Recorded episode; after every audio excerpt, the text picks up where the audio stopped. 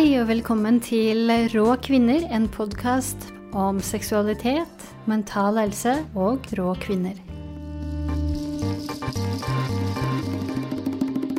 Hei, mitt navn er Lise Ein, og god mandag. I dag snør det ute, og jeg som trodde det skulle bli vår, men uh, den gang ei. Uh, I dag skal jeg ha om uh, viktigheten av å ta vare på kroppen.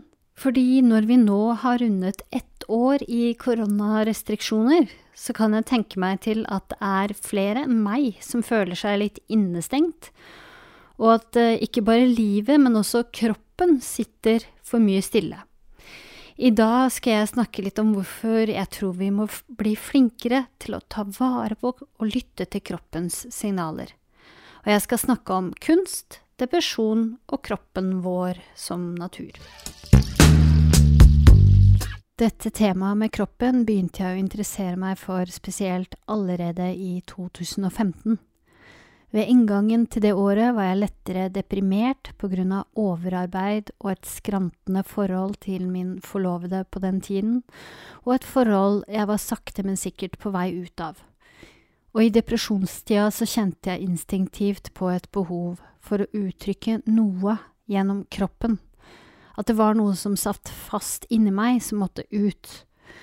Så jeg ble med på en workshop i Buto, og Buto er en japansk kunstdans, eh, og det ga meg et lite gjennombrudd.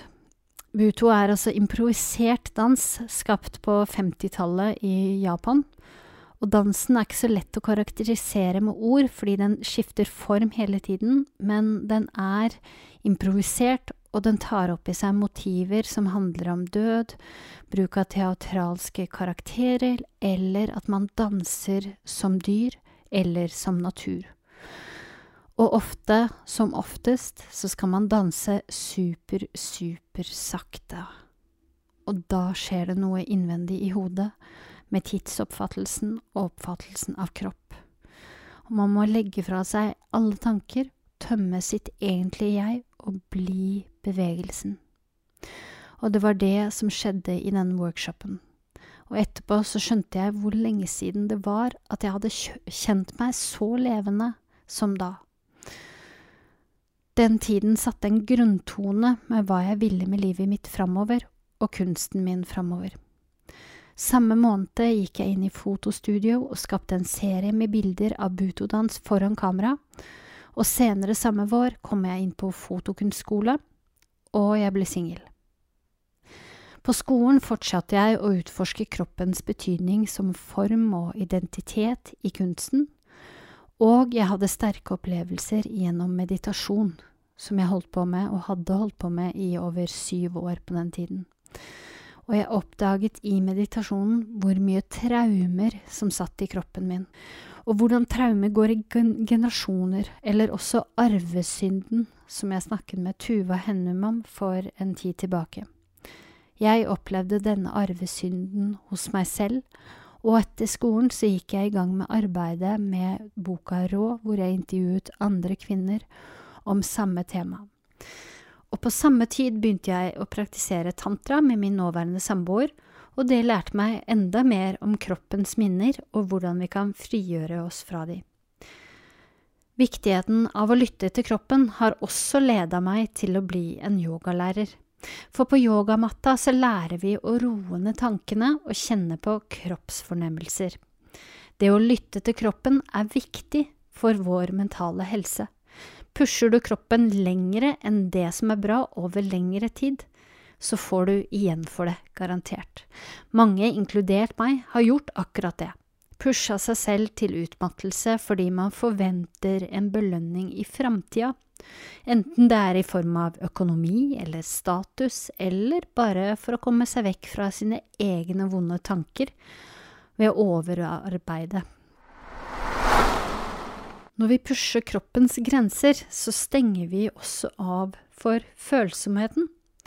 Signalene som sier at nok er nok, nå trenger vi søvn, hvile eller hva det nå enn er, de blir ignorert og undertrykt. Det er ikke tid til sånt. De av oss som har opplevd å bli utbrent, har mye av samme opplevelsen.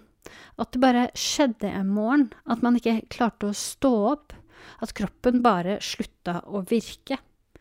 Og vi trodde det skjedde brått, men sannheten er at det egentlig hele tiden var tegn der. Men fordi vi var så numne og vant til stresset, så klarte vi ikke å kjenne etter når nok var nok, før det var bråstopp. Nå i koronatida så har vi gått inn i en dypere syklus av ikke-kroppslighet. Det er dit verden går med stadig større skritt utenom denne tida også. Men vi kjenner nå ekstra mye på det fordi vi sitter hjemme hver dag foran PC-en, og vi lever våre liv i en økt mental tilstand og i en mindre fysisk tilstand. I Oslo er treningssentrene stengt for femte måneden på rad, og det inkluderer også alt annet av kulturtilbud, kafé, restauranter og butikker. Det eneste alternativet vi har hatt, er naturen. Og det er jo egentlig bare bra. For mange opplever nå å ha fine turer i marka, og nordmenn generelt kjøper hytte så det suser etter, og vi drar mer på skiturer og fjellturer. Vi drar rett og slett tilbake til naturen. Og det er bra. Kanskje vi oppdager igjen hvorfor vi trenger naturen, og at vi i bunn og grunn er natur. Jeg sier ikke at vi er kroppene våre, men vi lever våre liv i den, og den er basen i våre opplevelser. Vi må ta hensyn til kroppen som om vi er natur, og gi den sunn nok mat for å være i drift på en god måte. Og hvis vi lytter til kroppens behov, så vil vi kanskje spise mindre, og spise sunnere. Fordi vi rett og slett ikke føler behovet for å overspise, spise store deler fett eller sukker, eller døyve sansene. Det handler om hvordan vi føler oss. Men det handler også om jorda, den greia som vi lever på og lever av. For i en verden levd midt i byen, der det eneste vi ser når vi ser ut vinduet, er mur og asfalt, der maten kommer fra frysedisken på Rema 1000, og det vi gjør er å bruke store deler av hverdagen for å se inn i en skjerm, da lever vi mer og mer mentalt og vi mister opplevelsen av å være organiske vesener. Ja, vi er i aller høyeste grad dyr, sagt med all respekt.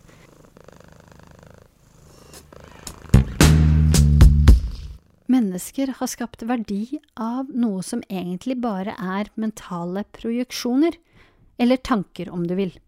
Og de mentale projeksjonene skaper krig, enten det er konspirasjonsteorier om QAnon, eller det er krig mot et naboland som vi tror er annerledes bare fordi han tilber en annen gud.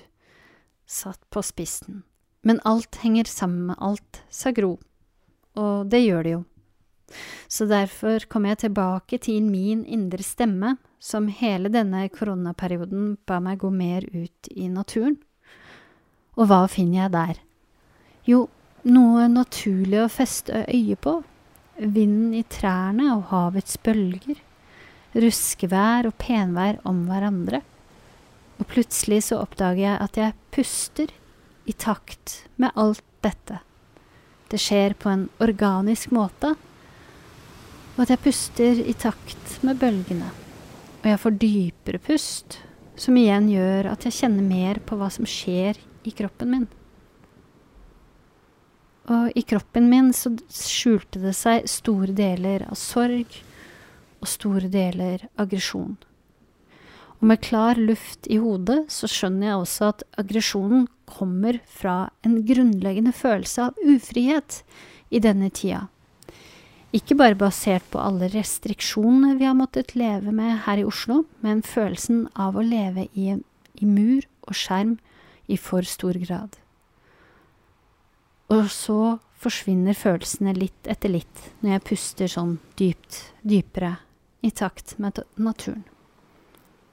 Men tenk på alle de som sitter der med nesa i skjermen og ikke kjenner etter hvor det egentlig kommer fra, og hva det egentlig handler om, og som hamrer løs på tastaturet i troa på at det er en annen manns feil. Det er horer og kjerringer, muslimer, og paksier og Arbeiderpartiet sin feil. Skjønner du hvor jeg vil hen? De som kobler seg av den faktiske virkeligheta, og heller går inn i en mental produksjon av verden. De som kjøper seg inn i virtuelle verdener, der ideer er alt vi er, og der deres ideer er bedre enn andres ideer. Kanskje det da er på tide å gå litt ut og bruke sansene aktivt, se på livet og lytte til fuglene som våkner fordi det er vår, eller var vår, og på den måten redusere den mentale støyen inni huet. Gjennom sansene så får vi en sterkere tilstedeværelse i det som skjer nå, og vi får en sterkere tilknytning til livet, livsstrømmen som fyker gjennom alt liv. For det er så fint å se planta mi i vinduet, våkne til liv og strekke seg mot sola, og vokse for hver dag som går fordi det er blitt vår og oppdage magien i at om du velter planta ut vinduet og den knekker, så kan du bare ta den knekte kvisten og sette den i vann, og så blir den en egen plante. Fra død til formering rett foran øynene dine. Det er fint å kjenne kroppen våkne når det blir vår, at eh, lyset gjør godt og at det snart spruter ut grønt mot øynene dine. Jeg gleder meg til rosa kirsebærtrær og av å snart, snart, snart få se ansikter, fremmede og kjente, i fysisk form. Fysisk form. Kjenn på det ordet. Det er beste.